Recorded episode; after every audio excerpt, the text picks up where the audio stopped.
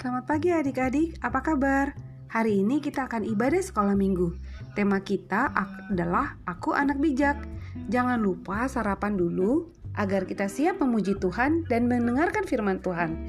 Hilangkan rasa marah, kesal, atau rasa lainnya yang mengganggu ibadah kita dan gantilah dengan semangat. Tuhan Yesus memberkati.